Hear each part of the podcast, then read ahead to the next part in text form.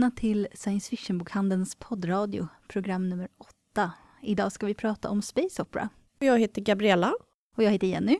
Och idag har vi även besök av vår butikschef Mats.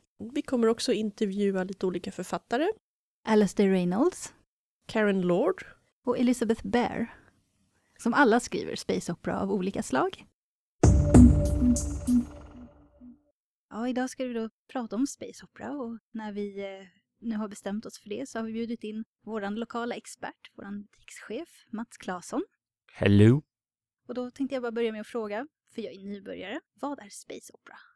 Space Opera, jag börjar... Mm -hmm. Jag börjar lite längre bak. Jag tänker så här, science fiction. Fiction, fantasi, skönlitteratur, science, vetenskap. De ska hänga ihop. Då blir det bra science fiction. Space Opera var inte möjlig. Tänk eh, astronomi. Innan vi hade astronomi så var inte Space Opera möjlig att ens tänka eftersom kunskapen om världsalltet var, ja, vad ska vi dra till med, Aristoteles, sfärernas musik och allt det där eteriska saker. Alltså, man visste ingenting. Det, det gick helt enkelt inte att ha science i, i rymden för Nej. att det var fullt med Gud där uppe. Den första charterturisten skulle man kunna säga, den första som färdades runt bara i vårt solsystem, vet du vem det var? Det var faktiskt en svensk, Emanuel Swedenborg, som skrev en liten traktat där han besökte då, då jag tror man, han kände till fem planeter var kända. Och dit åkte han och spanade in läget och kollade. Det var inte särskilt mycket vetenskap naturligtvis. Vetenskapen ska vi säga så här, om jag fortsätter tänka framåt och hoppa fort fram, 1897. H.G. Wells, eller 1898 möjligen, alltså världarnas krig. Då har vi kommit dithän att man har, teleskopen har blivit så pass stora så man nu kan börja spana riktigt ordentligt på planeterna i solsystemet. Och man kan också ana att det kanske finns någonting bortom planeterna. I världarnas krig vet ni, då är ju Mars förstås. Då har man upptäckt att man tror sig se kanaler och därav kan H.G. Wells skriva då för den första invasionsromanen Utomjordingarna kommer och de är evil. Men ganska snart i biten på 1900-talet så har teleskopen blivit ännu större. Man börjar nu inse att herregud, det är ju inte bara vårt solsystem, det verkar ju finnas andra solsystem, rent av andra galaxer. Det verkar finnas väldigt mycket stjärnor där ute i rymden någonstans. Och i och med att den tanken börjar slå rot i allmänna medvetandet, framförallt och snabbt hos science fiction-författarna, då börjar man också kunna konstruera berättelser som inte då bara är vårt solsystem utan drar iväg vidare långt ut, far out in the galaxy. Och där föds Space Opera. Ja, och jag tycker om man tittar på dagens Space Opera med böcker och film, kanske framförallt filmvärlden, eh, så får man inte glömma operadelen. Det finns väldigt mycket science fiction som utspelar sig långt bort på odefinierade planeter eller det här eh, instängda i ett rymdskepp-scenariot. Men eh, med Star Wars framförallt så har vi ju det stora galaktiska halvfantasy-äventyret i yttre rymden som jag tycker blir en viktig del om en kund kommer in och frågar efter kan jag få en bra space opera-roman? Att man inte plockar fram till exempel China Miévilles eh, Embassy Town som är mer en lingvistisk tankelek borta på en konstig planet. Men däremot Ancillary Justice som har stora skepp i rymden och intressanta idéer, olika planeter är helt klart space opera utan att vara eh, ska jag säga, Star Wars och mera snygga effekter och roliga äventyr än det här science-tänket. Så om jag förstår rätt så är det både ute i rymden, men det måste också finnas ett visst mått dramatik och spänning. Självklart, annars kan du lika gärna läsa en faktabok om rymden, om, om vår galax eh, astronomi, vilket i sig är wonder och svindlande. Men, men så lägger du på lite en, en plott, en intrig också och, och kör vidare. Om man nu om man nu känner sig men Space Opera, det låter jättespännande, nu vill jag läsa Space Opera. Måste man börja med klassikerna eller kan man börja med någon riktigt bra nykomling? Jag skulle nog säga att jag tycker inte det är en av de genrerna där det verkligen lönar sig att, så att säga, läsa bakifrån och framåt. Steampunk äh, tycker jag är en av dem där det helt klart är värt att börja i början, Jules Verne och William Gibson och så. För att de bygger så mycket på varandra. Space Opera hänger mer ihop med den pågående vetenskapliga utvecklingen när vi får reda på nebulosor eller svarta hår och så, så dyker de upp i science fiction, ibland lite innan. Men det är också en genre som är ganska up to date med vad som faktiskt händer i astrofysik och allt sånt.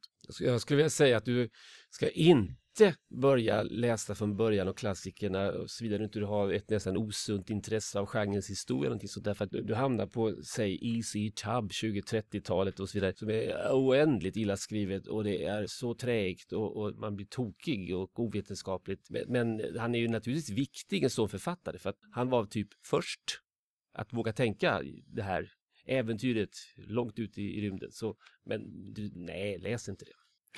så, så det kanske är bäst att titta på det när man eh, väl har läst det, som man, ja, när man har blivit intresserad av genren, läst lite och vill titta lite på historien kanske. Ja, när man vill göra den här arkeologiska, men vem var egentligen först med just den här nästan klyschan och grejen? Däremot kan man ju börja, tycker jag, själv på 50-talet.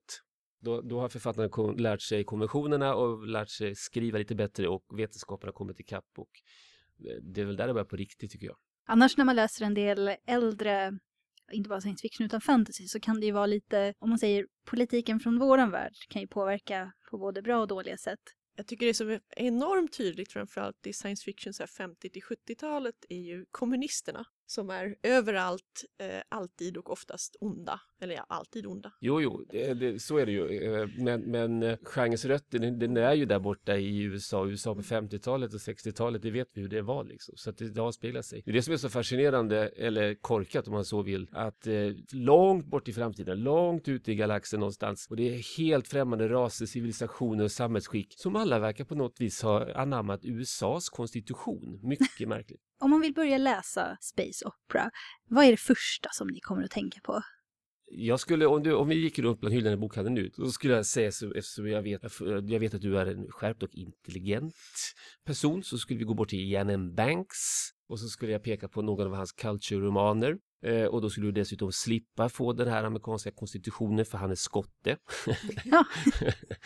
eh, och han är, han, hans rymdskepp är jättestora och de, de, eh, de pratar, de, är, de, är, eh, de har karaktärer, de är, de, de är personlighet, hans rymdskepp. Planeterna är jättestora och galaxen är enorm och det är jättemycket filosofiska betraktelser och religiösa betraktelser eftersom Space Opera i sig inbjuder till de här stora frågorna om livet och döden, meningen och tiden och rummet, allt det där. Och det gör Banks lysande. Så varför inte börja med någon av hans romaner? Till exempel varför inte Surface Detail?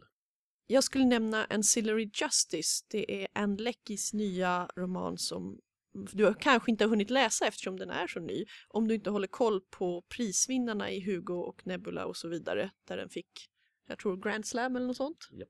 Men det är Stora onda rymdimperier men väldigt intelligent skrivna, intressanta tankelekar och eh, telepatiska rymdskepp.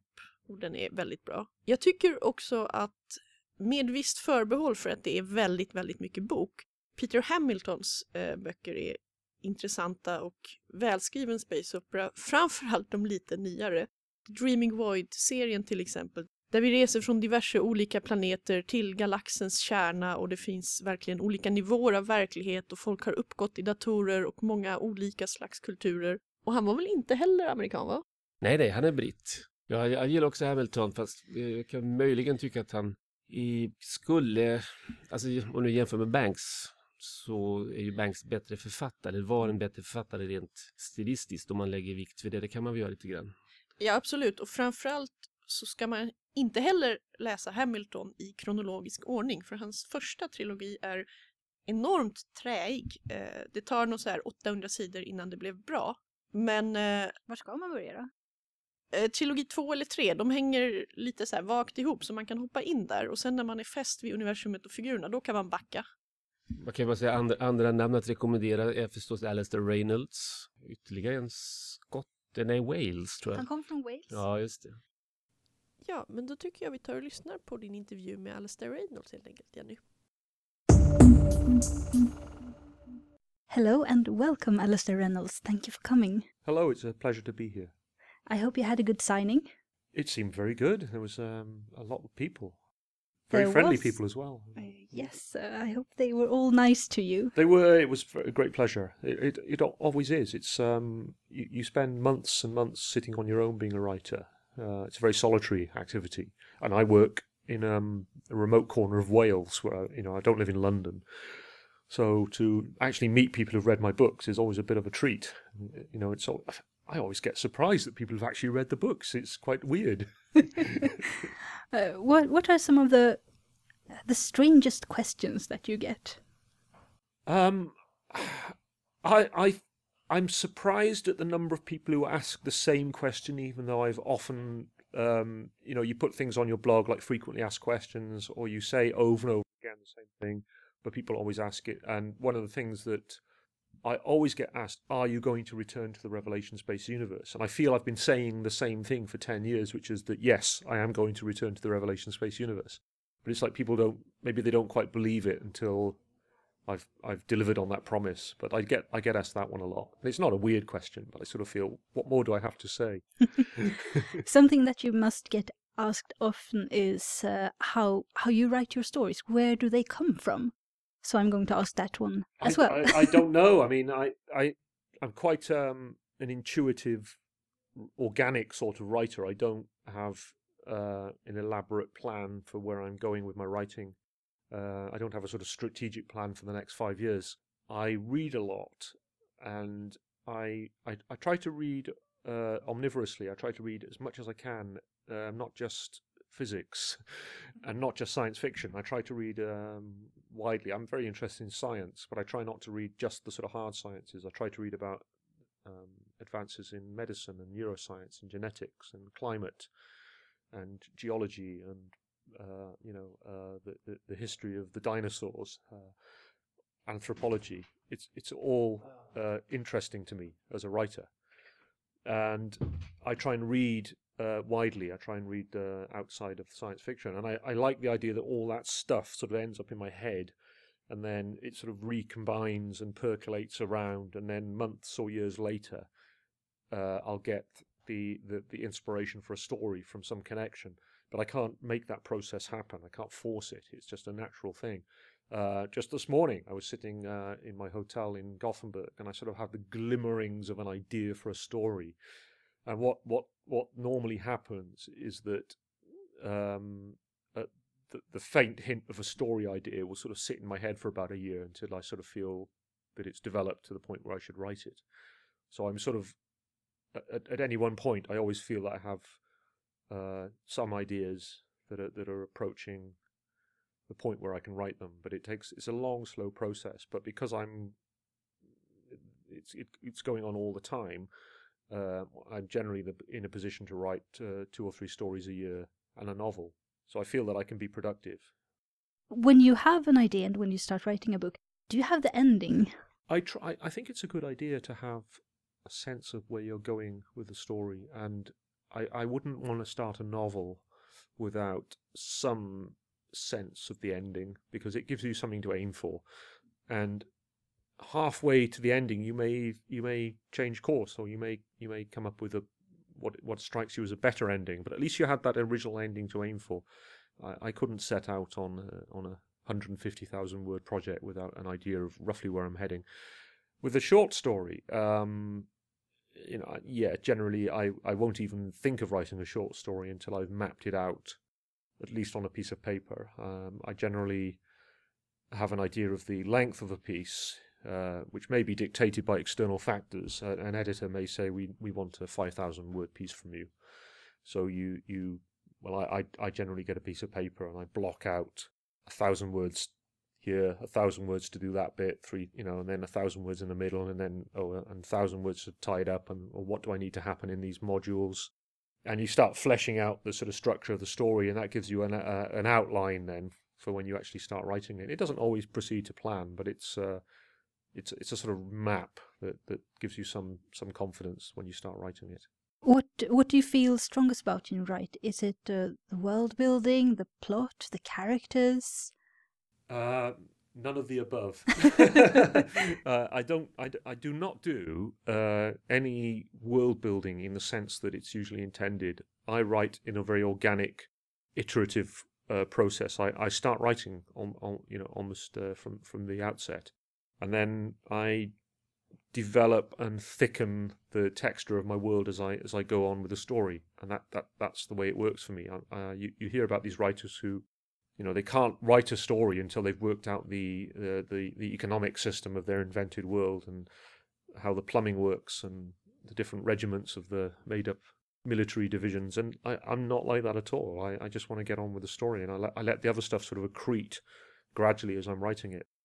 For me, the most important characteristic of a story is the emotional effect it has on the reader. And it's the hardest thing to quantify, the hardest thing to make happen. But it, for me, the stories that I've written that I felt were successful have all been stories that have a kind of emotional core that seems to speak to, to readers.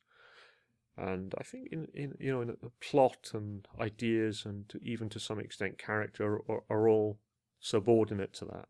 The, you know the, the main thing is somehow communicating an emotional effect, be it terror or wonder or making the reader look at something familiar from a, from a slightly altered perspective. Do you have a, a favorite type of plot, like detective type plots, or? Well, I I'm drawn to um, I love detective fiction, and I think if anything, there's a danger that I fall back on the, the, the, sort of mechanics of the detective plot a little bit too too easily at times. But I, I do enjoy it. But they are so I love them too. Yeah, so yeah. I I always enjoy when when I get to read those yeah, sort of stories. Yeah. I mean, it, it I, I, like it when I when I can make it work well. I, I like it. I find a lot of my stories have a kind of um, a framing narrative, or or there's someone recounting a story to someone else. I've done a lot of stories which involve character character A meeting character B, and then character B tells A a, a story. But it's very hard to, uh, to to take a step back from my own writing and look at the the structures that I use more more commonly than than than other ones. I have read that you prefer to write uh, about a technology level that is sort of believable or probable or possible in some way. Is that true? It for some purposes, yes, um, but I like I like to operate across the whole of the um, science fiction spectrum, if you like, and there's what I do with my novels. Well, I write one novel a year, and that's a big thing. And the novels, I suppose, have been more of a piece with each other, and a lot of them are built on some attempt to keep the science plausible and the and the invented worlds and technologies sort, sort, sort of believable. Within the short fiction, I feel a lot more freedom to just go off and do something completely mad and in, in, a way that that then becomes an experiment which might be reflected in a novel that I might write a, a few years down the line. So I don't I don't want to be defined as just doing one type of science fiction. You have written a, a novel for Doctor Who. I did, yes. And that is, I think, perhaps as far from hard science fiction that you can go. It probably is, yeah. I mean, I, I love Doctor Who, but it's you know you don't you don't go to Doctor Who for the scientific uh, rigor, you know, because because a lot of Doctor Who is really makes no sense at all. No, I'm I'm a huge fan, and yeah. yes, I agree. and and it, again, it goes back to the um the thing about the emotional effect. You know, for me, Doctor Who was just terrifying when I was a child, and it was that uh, that was the, the the odd paradox that it was something that you feared, and you could barely look at. You, you know, it was the the cliche of watching it from behind the settee or between your fingers, and it, what do you think? Well, if you if you were that terrified of it, why didn't you just leave the room? And it's a strange I think it's almost like a strange loyalty to the character of the Doctor himself that you kind of feel you're you're, you're somehow letting the Doctor down if you don't watch it on some level. Yes, it's uh, like you yourself are sort of a companion to him. Yes, yeah, you are exactly. You're you're a companion by proxy to the Doctor, and you feel that you're being disloyal to him if you were to just switch off the television. That's how I felt. So yeah, I, I, Doctor Who is something that's been a part of my life um, almost from the point where I can remember, and uh, there was no no question in my mind. I was very uh, flattered to be asked to write a Doctor Who novel, and it you know I had no no qualms about it. I, I didn't think that it would, it would be a problem from mapping my the fact that my science fiction often has a sort of scientific underpinning didn't matter. It was like don't care. I just want to write a Doctor Who novel now. How would you feel about writing uh, an episode for the television series?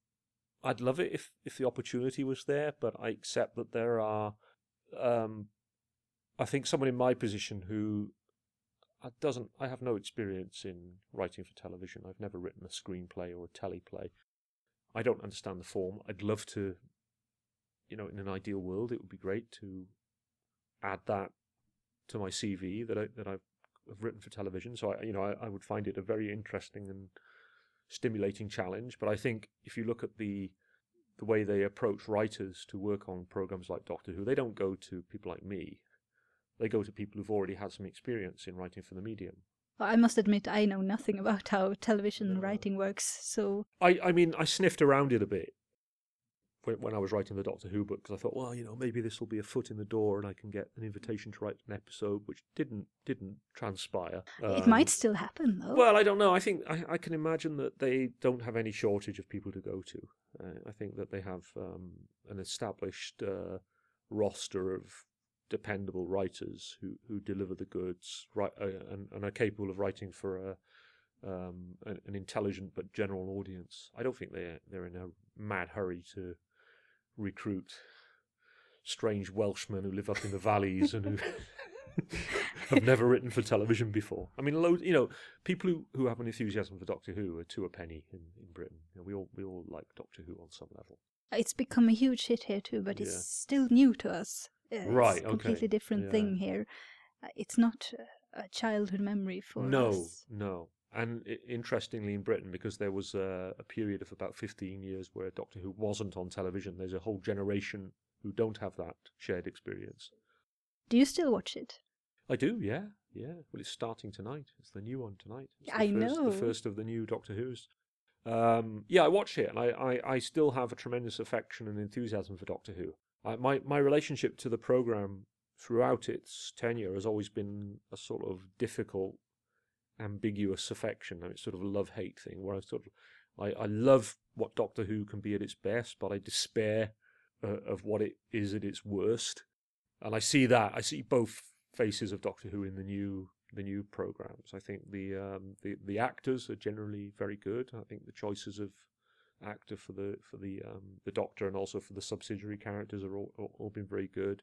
Some great creativity in the designs and, and you know and, and the the way they design the sets and the props and, and the music and everything. And then sometimes they shackle it to a really terrible story that it's like, yeah, is that the best you can do? um, but I'm, you know, that's just a typical fan's reaction. The great thing about being a writer with control over the entire work of fiction, you don't have to argue with other writers about how to No, uh, write your own stories. no, no. You, you, it's you and your brain alone in a in an office for hours and hours at a time. And sometimes you desperately want to be able to bounce ideas off someone, but you can't because you you you'd uh, you know when when you're sort of two thirds through of the way through writing a novel, and you hit hit a technical problem. How can you communicate that problem to to another human being without them reading the book? It's very hard.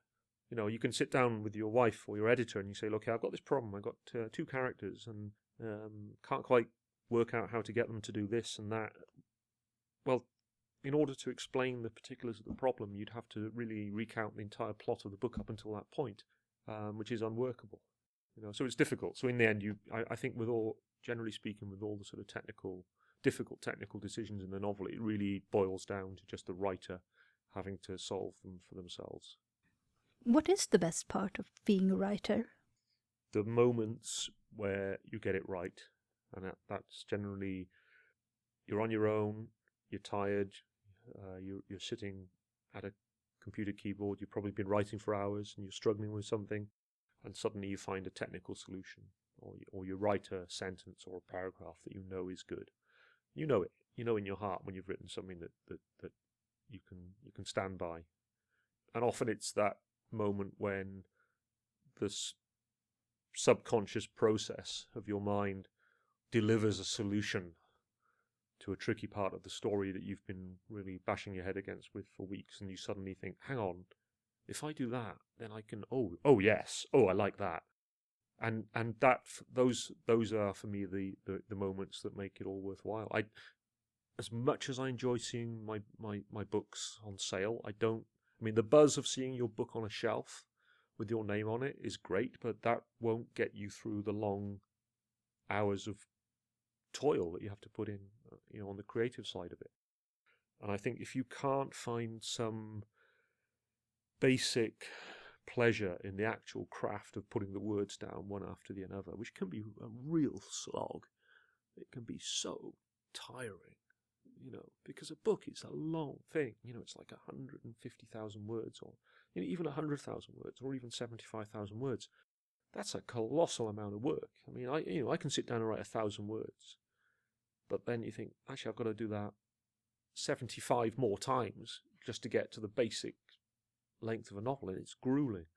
And you have to factor in all the other stuff in life that we deal with, you know, illness, travel, life complications that get in the way and stop you writing for a few weeks. All that has to be factored in, and it's um, it becomes a sort of military endurance exercise to get to the end of a novel. And I think if if it, if in that whole process you can't take some basic enjoyment in the actual craft of writing, it's going to be very difficult to sustain that for a for a career. So for me, the um, the best bits are the, the, you know, the I, I, you know I say three in the morning when you solve a technical problem. Well, I don't I don't generally work at three in the morning anymore. I used to, but uh, it's often when you're when you're on on your own and you just uh, at a critical point in the book where you find your way through a plot problem. That, that, that that's really uh, it's like it's like sort of solving a mathematical problem or or cracking a riddle. It's a sense of breaking through something, and it's really really a great moment. How about uh, fan reactions? Do you ever read discussions about your books? I try not to get too far into that, but um, I'd be lying if I say that I'm completely uh, um, ignorant of fan discussion. There's two two factors. One is you like to stroke your ego. You know, you like you like. It's lovely to see people saying nice things about you on the internet. What a talented chap you are, and how wonderful your books are. I mean, who who doesn't want to read that? But, But- there must be some misunderstandings too, and There people are, who but- don't. But yeah, then you then you read something which is like willfully incorrect, and then you think, why did I even start reading this now? Because I'm annoyed now, and I wish I'd never read it.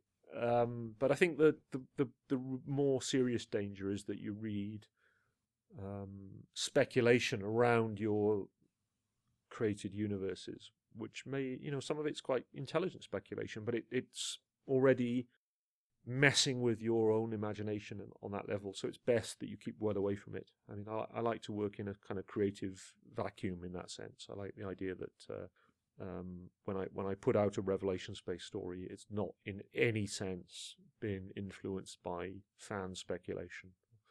So I do try and keep a sort of a, you know a bit of a friendly distance from from that sort of thing. Uh, But you are working on a book right now, the last one in the Poseidon's Children yes, trilogy. yes, I am. Yes. Yeah. And are you almost finished? Yeah, I feel like I'm. Um, uh, I definitely should have finished it already um, because I've got other things I want to get on with. But I feel like I've got about a week to ten days more work on it. It's sort of yeah, I'm kind of near the end now. Yes, that's not a long time. No, no, I mean I. It's frustrating in the sense that I w- I wanted to finish it before I went to the Worldcon in London, and then I I sort of had two days between that and Sweden, and I thought, nah, there's no chance of me finishing it in that in that interval. But it's a little bit. Uh, it would have been nice to have put it put it to bed by now, and then I could just be thinking about other stuff. Because you have uh, you have other plans, uh, things you want to write. After Always, the- always, yeah, yeah. It never stops. I gener- generally, when I'm sort of about three quarters of the way through um, through one book, I start thinking seriously about what the next one's going to be like, and it's often a reaction against the present book, you know, in terms of the pace or the scope. If I've if I've just written a really expansive, widescreen space opera, then, then the next book might be quite clau- claustrophobic and closed in. You know, I think that with with, with Terminal World, um, that was a very conscious reaction to House of Suns, The Prefect, and Pushing Ice, all of which were big cosmological sort of scale books. Um, and I wanted to do something much more, um, really only taking place on on on on one, on one planet, if you like. You know, and it, that's how I work. You know, the next the next month will be a bit of a reaction against. Uh, um, but well, I, I don't have a title for the third book in the Poseidon's Children sequence yet, but uh, obviously I know the type of book it is, and it's again it's quite an, it's an expansive book which involves interstellar travel and contact with aliens and speculation about machine intelligence and the ultimate fate of life in the universe. So it's all sort of general sort of stuff I do. And I think, well, the next book will probably have to be a bit of a reaction against that. What about uh, making a film of one of your books? Do you have? Would you? Would you want that? Well, I think most people would be, you know, no writer's going to say, I don't want that money." No, the- but do you know, think it would work? It could do. It could be an unmitigated disaster as well.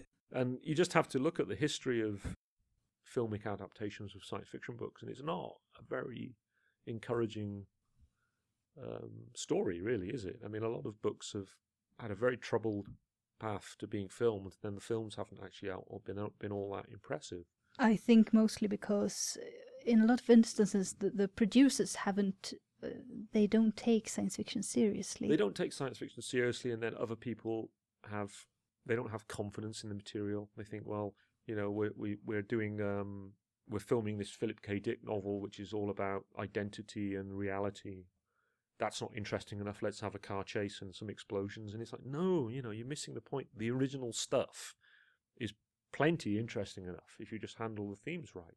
Blade Runner actually is not that. Um, I mean, there is some action in Blade Runner and some violence, but it's surprisingly quiet, isn't it? When you watch it, I mean, you know, there's not there's not But it is. I cars crashing everywhere. There's no, you know, there's people getting shot, but there's no big explosions or anything. no. The emphasis is on the inner lives of the Yeah, characters. I and that's think. why, although it's not true to the plot of the book, no. it is, it does sort of get to the heart of the Phil Dick Yes. questions of identity, which is why people still watch Blade Runner 30 years on, and why, uh, unfortunately, people won't be watching Prometheus in 30 years because it doesn't have anything like the intellectual depth of Blade Runner. Although on a surface it's a much flashier film, it's got lot m- much more impressive effects and there's a lot lot of design going on. It was nice to look at, It was nice to look at, but, but if you uh, I don't. interrogated it, I don't remember much of the plot. No, I don't so- either. I remember my wife walking out halfway through because it was too violent or too too horrible with nasty things happening. That- And that woman has to get has to have a cesarean section to get the alien out of it, which was just Actually, that was the part of the film that I thought was the best part. Well, it was uh, but the rest, a lot of the choices they made were not intelligent. no, they were stupid. And again, it, when you watch the original Alien, which was also a Ridley Scott film, the crew make basically the right decisions at the time, given the information available to them. Now they do make some bad choice, bad decisions, but it's like, yeah, but they You- don't. You understand why they You understand do why. You empathise with the decisions, even as you're saying, no, don't do that. You think, yeah, they they don't know any better. There is every now and again a, a book does get a good a good um, and fair adaptation. You know, there've been some re- really good Philip K. Dick ones have been done, and e- even a film like Starship Troopers. I actually really like Starship Troopers. I think it's a good a good version of the book, even though it really annoys a lot of people who like the book. It's a sort of satire and a critique of the book, and I think that's why people who are sort of die-hard fans of Robert Heinlein, because Heinlein is espousing this militaristic society in which you don't get to vote unless you've been in the military, and the military values are the absolute, the most uh, aspirational part of that society is is to fight, wear a uniform, and shoot things. Well, Paul Verhoeven takes all that at face value and just says, actually, this is this could be viewed in very fascistic terms. What That's if- how it felt. yeah, and I thought. you know, I think one someone said, you know, one of the best ways to to read that film is to think of it as a fascist propaganda film made within the universe of Starship Troopers, and you think, yeah, and on those terms, it's brilliant, and it and it all the sort of illogical bits of the film then fall away, and you just accept that it's that's the the propaganda exercise. I thought it worked. Yeah, me too. Yeah, I enjoy it. It's a, it's a kind of a guilty pleasure, but it's one of those films that if I catch it on television, I almost invariably have to watch it all the way through to the end. Mm, me too. Yeah. Do you have? Do you like Heinlein? I have a very questionable rea- re- relationship to Heinlein. Um, he wasn't part of my reading during my formative years as a science fiction reader. Who was I- that? Uh, it was all the usual suspects. I just don't remember ever reading Heinlein. I don't. I don't remember seeing his books. I read uh, Asimov and Clarke, and then I, I sort of started reading Philip K. Dick. I read Harry Harrison, Bob Shaw, James White. Um, occasionally, fr- I had a very good friend, still a friend of mine, but his, his mother was an avid science fiction fan, and she would get him reading stuff, and then he would push it on to me as a sort of cause and effect. He he he pushed um, Alfred Bester onto me, but I didn't really get Bester. Um, I, I don't think I was intelligent enough to get get what was cool about Bester until later in life.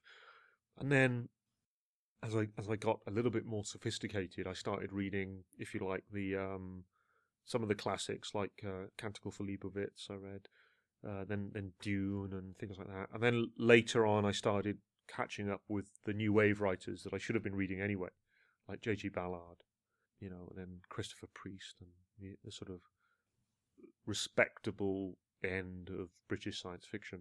But I grew up with um, a very indiscriminate reading of science fiction. I suppose I, I liked the stuff that had the sort of scientific basis, be it uh, Asimov. You know, it's not there's not an awful lot of science in Asimov stuff, but he, because he was a scientist, it has that sheen of respectability. But I thought Asimov was terrific. You know, um, although his reputation is tarnished now, uh, he, he's not. Um, uh, it's, it's debatable, I think, whether Asimov will have the longevity as a writer. I think Heinlein is probably safe in that sense. I di- and I, I didn't uh, start reading Heinlein till um, till I was an adult. Uh, I read Starship Troopers, and I read The Moon is, Moon is a Harsh Mistress and Starship Troopers probably when I was in my mid-teens. Liked them, but they didn't blow my world. Um, but it, it, nothing made me think I must go back and read the classic Heinlein books. And I still haven't read mo- most of them. No, mm, No, my, me neither. You know, I, I, kind of just, mean I, I kind of feel I should now because I, I like to have a, a good sense of the history of the field, and I, I you know people speak very well of the early Heinlein novels like Have Spacesuit Will Travel and Starman Jones. I'd like to read them, uh, and I, I probably should carve out the time to sit down and re-educate myself. Well, it's often a, a question of time, isn't it? It is, yeah. There are. yeah. Do you have any current authors that you like? I like, you know, on some level, I like almost everyone active in the field because I think that science fiction is a brilliant mosaic of different voices and different approaches, and you have to try really hard to to, to dislike the voices, individual voices of, of, of science fiction writers. Even now, I'm I'm falling behind the the sort of cutting edge of science fiction. I make an effort to try and read the books that everyone is talking about, but I'm often a few years behind. I, there's a lot of writers I admire. I, I I admire the writers of my cohort, the generation of writers I came up through the magazines with, which would be broadly speaking Stephen Baxter, Paul McAuley, uh, Greg Egan. And then you, you go back a few years and people like Gwyneth Jones, M. John Harrison, almost the sort of uh, the early interzone generation of writers, writers who maybe some of them had even published in New Worlds, the writers who um, kind of started publishing in the in the early to mid '80s. I, you know, the, these are the my sort of um, generation of writers. But then I like I like a lot of the newer stuff that's coming through. I think it's really exciting. Uh, I like Lauren Beukes. I've only I've only read Zoo City, but I thought it was very very very good and interesting book. I, I was a huge fan of Iain Banks, um, and I tried to read everything he wrote. I, he, he still outpaced my capability to keep up with him. But you know, there's there's just tremendous amount of good science fiction out there at the moment. For new readers of your books, where would you recommend one to start? Well, I think the safest thing is to read them all, and then buy a second set just in case. Good one answer. set upstairs. No, uh, it sort of depends what you like.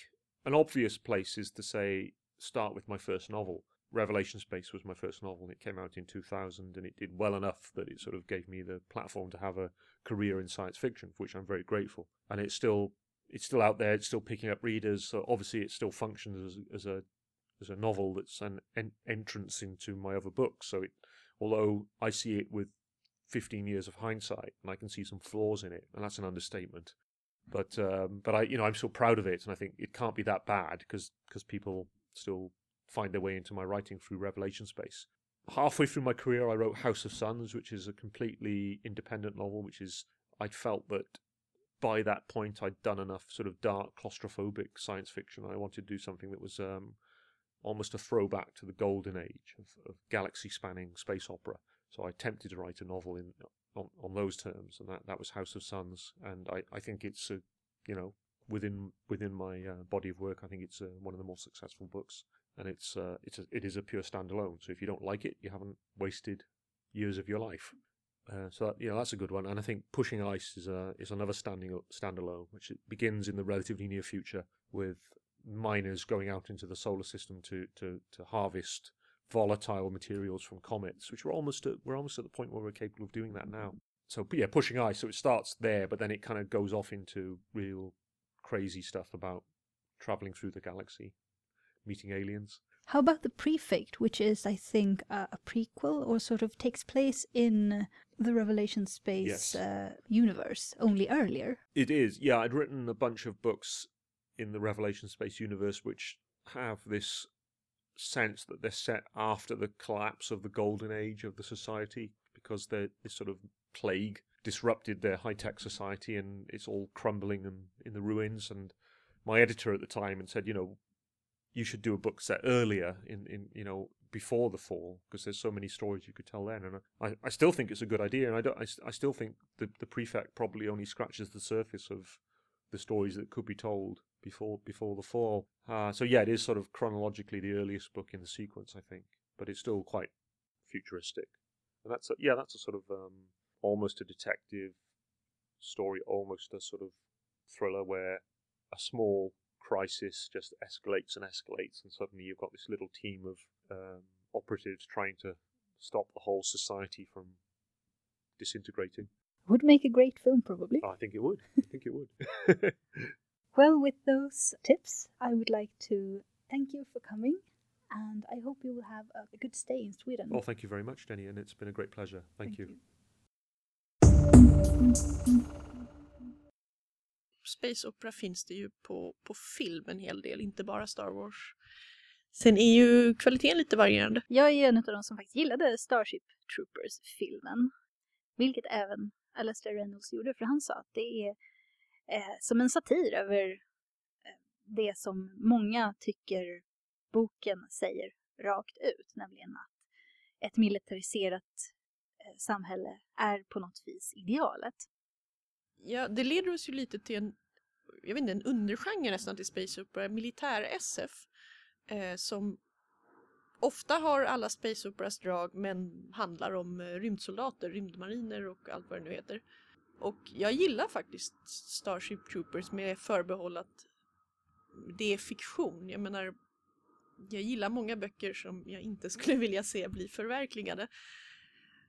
Eh, och det, Robert Heinlein har ju skrivit rätt mycket som jag tror faller under Space Opera. De åker runt ut i rymden och hans böcker har ju inte åldrats så här jätteväl allihop just när det gäller eh, kvinnorna och sånt. Och det är också mycket libertarianska idéer som kanske inte blir så roliga eh, om man läser för många i längden. För att eh, jag lyckades läsa en hel massa Heinlein och totalt missa alla politiska åsikter tills du vet, man kom till så här bok åtta och det upprepar sig. Det är lite som när man läser en viss typ av fantasy. Efter ett tag så blir man så här, men vänta, tycker du verkligen det här?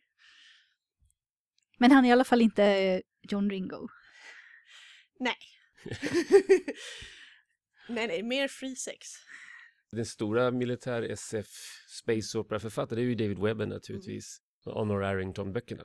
Eh, som är rätt så roliga fast de, de har blivit för många kan man väl Mm. tycka. Alltså jag gillar, eh, vad heter hon, Tanja Hafs eh, Mm. böcker också, Valor-trilogin som är, eh, överhuvudtaget, jag gillar egentligen genren space opera med en kvinnlig rymdmarin för att de skrivs nästan alltid av folk som har eh, bra koll, det är före detta soldater och så från USA och de är ju roliga, hennes böcker är väldigt så här, ja det är sergeant och de skjuter onda slämma aliens och slåss med, eller grälar med onda byråkrater uppåt.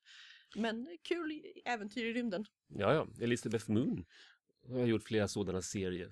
Roligare än David Webber tycker jag, definitivt. Och Elizabeth Moon är ju en sån här gammal Mm. Vietnam-veteran som tagit med sig all erfarenheter och så lagt ut i rymden istället.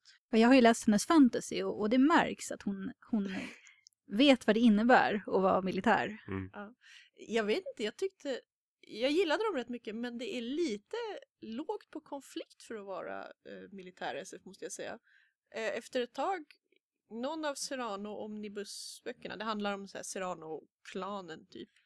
så började alla problem bara försvinna av sig själv och det var en halv bok kvar. Det var en ganska märklig upplevelse. Jag har ju eh, också börjat läsa några böcker av Elizabeth Bear som, som vi också har en intervju med. Hello and welcome Elizabeth Bear to the Science Fiction Bookshop podcast. I'm very happy to be here. I've been reading your science fiction books and I'd like to ask you what sort of science fiction do you write? That's that's an interesting question because I've written a number of different things. Just uh, science fiction and fantasy, obviously, but just in science fiction, the Jenny Casey books are sort of a, they're they're an exploration of science fiction from cyberpunk through sort of the post singularity novels that were the current thing when I was writing them. So it was sort of 20, 20 years of science fiction history collapsed into one trilogy. It was, it was an attempt to integrate those different styles, among other things. Um, Undertow is a, a planetary romance that's also a caper novel. Uh, Carnival is my reaction to the the feminist science fiction of the 1970s and the uh, Jacob's Ladder books, Dust, Chill, and Grail, are a generation ship story inspired by uh, Mervyn Peake's uh, Gormenghast and Roger Zelazny's Amber novels. So they're they're inspired by two fantasy series, but they're science fiction. And the the book I'm working on now, which is called Ancestral Night, um, which will be out from Gollancz in 2016. God willing, and the creek don't rise, is going to be a, a big idea, big tapestry soap opera, uh, soap opera, good space, well, that too, space opera in the, the sort of Iain Banks, um, Hannu Rajaniemi model, big sprawling political consequences kind of book. So, uh, what comes first when you write? Do you come up with an idea or a world or characters? It it depends. The the Jenny books started with with Jenny and her relationships and the sorts of people I wanted her to, to be able to meet over the course of the books. Uh, Carnival started off with a thematic argument, and the the ancestral night actually came about because the uh, because Gollancz came to me and said, "We'd love for you to write us a space opera," and I said, "Okay, I would love to write a space opera. Let me come up with a proposal for one." uh, Undertow started with with a character and two characters actually, and uh, the Jacob's Ladder books started with a relationship between two sisters um, who had never met. They were half sisters who had never met each other. And of course, the first thing that happens in the book is they meet each other. so, Uh, yes, I noticed that reading Carnival that it's uh, a bit like reading an argument, and uh, I also think that the world is really wonderfully alien and sprawling, and uh, it's just I discover it by the characters sort of living their lives because to them it's mostly normal. Is that intentionally written that way? I I think so. Um, I think it's it's also it's it's intentional that my books are arguments because they're arguments with myself. I never. I, I try. I learned something from uh, Steven Brust, the the American uh, fantasist who writes the the Vlad Taltos novels, um, who told me that uh, when he has a political opinion in a book, he gives it to the antagonist, and um, when he can't keep his politics out of a book, he gives his opinions to one of the bad guys, and that keeps the book from becoming pedantic um, or a lecture. And what I tend to do is when I don't when I don't have my mind made up about something, I will give two sympathetic characters different sides of the argument and then let them argue about it. And by the end of the book, I usually still haven't made up my mind, but at least I've thought about it a lot and uh, the the world building in some ways arises out of that because the world has to thematically support the central argument or the book feels disjointed and weird. You can put a lot of different things into a story as long as they they fit together or they they have they reflect each other in some way. Uh, like the the jacob's ladder books as you said are very weird. There's a lot of different stuff in them but i think they work okay because there is a central argument running through them. Yes, and also it seems so natural to the characters that these things happen. I, I was so just in the very beginning with um, Perceval's wings it's it's really obvious that it's such a horrible thing that's happened to her and it's really understandable despite uh, I'm not really realizing what sort of a, uh, a creature she is with the And differently what- colored blood and everything. Sure. And what what does a, a creature that lives on a spaceship need with wings anyway? And uh, despite the great technology that they have or had, Mhm. they've sort of fallen back to an almost medieval uh, sort of mindset. Uh, how come you built a world like that? Well, the the idea, um, and I'm going to spoil. I'm going to. Well, the books have been out long enough. I'm going to spoil a little bit. The um, Generation ship was built by a, an apocalyptic Christian cult, which is also why uh, almost everybody on it is uh, is white or or, or uh, of European or Asian descent, because that particular brand of Protestant Christianity is not as as common in the southern hemisphere No, that's more uh, more Catholicism. I mean, it's not that there aren't Protestants, but there it's it's not as many. not as many. I, I, I thought that if a church like that arose, it would probably be uh, more of a northwestern you know, area of the world. So it was part of the part of the world building, and eventually, eventually, spoilers. Eventually, they get to a world where uh, General warning. general warning spoilers eventually they get to a world where where there's a more um a more diverse society that has grew up out of the people mm. that were left behind when the generation ship left and have a lot of problems assimilating with it. The so my my idea was that they had they had come from this very apocalyptic religion where the idea where, where um, evolution had become integrated into it as as part of the apocalyptic religion that we, we force people to evolve. This is god's plan. And that's why they sent them out on this generation ship and subjected them to genetic engineering and all sorts of other things to to the point where they've they've become almost unhuman. And also uh, there is a was a massive accident in the in the history of the ship and the the ship's AI uh, has fragmented it, uh, into a bunch of different personalities, which uh, think of themselves as, as angels and demons. So there's that conflict going on, and there's also the conflict between the various factions of the ship's crew.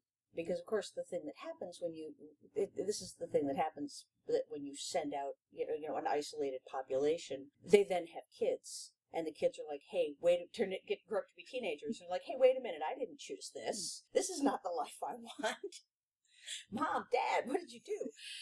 And then you have social problems. So, so there's the the faction of uh, the engineering, what was basically the engineering and and biological sciences department, versus the faction that was the the command and control. Um, and they've become very inbred and incestuous. Uh, and then there are all the other populations on the ship who have their own agendas. Um, and so it's a big, big sprawling political novel.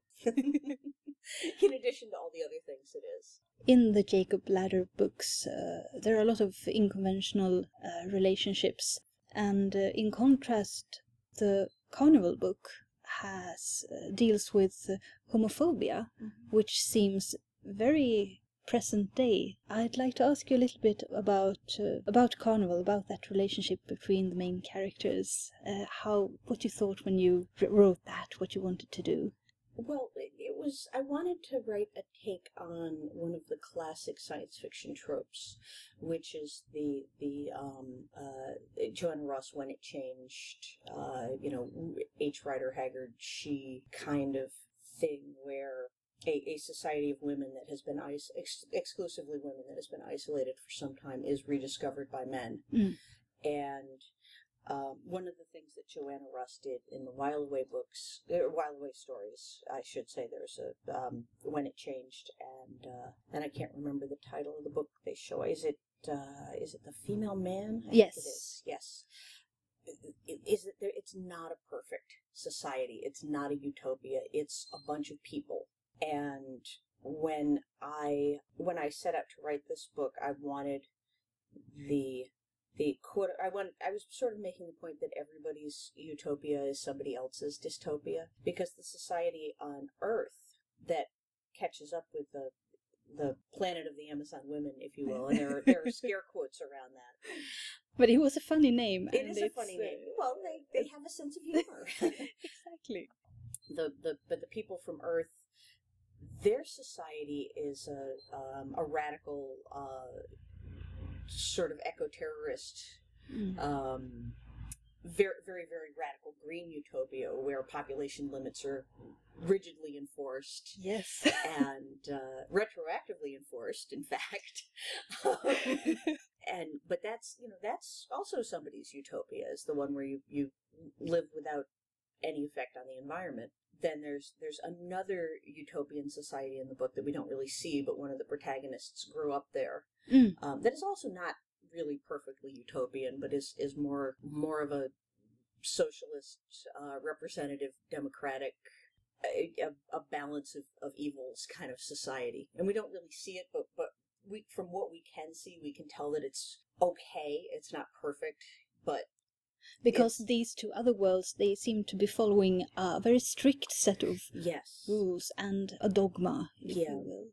and the the world that that Vincent comes from is much more well we'll figure it out and try to make it decent for as many people as but much much more the the the modern you know social democracy model which which actually does work okay it's not perfect It's better than the other. it's it's better than the other stuff we've come up with so far. You know, maybe we'll have a better idea one of these days. sitting sitting here in the the uh, socialist dystopia of Sweden, lovely, Yes. friendly socialist dystopia of Sweden, I can say that you know I'm really okay with social democracy. Is It could be worse. it could be worse. It could be worse. Uh, but speaking on a more personal level, I thought I really loved the relationship between Vincent and uh, uh, Michelangelo because it was such a, a very human and understandable. They're Uh, very prickly.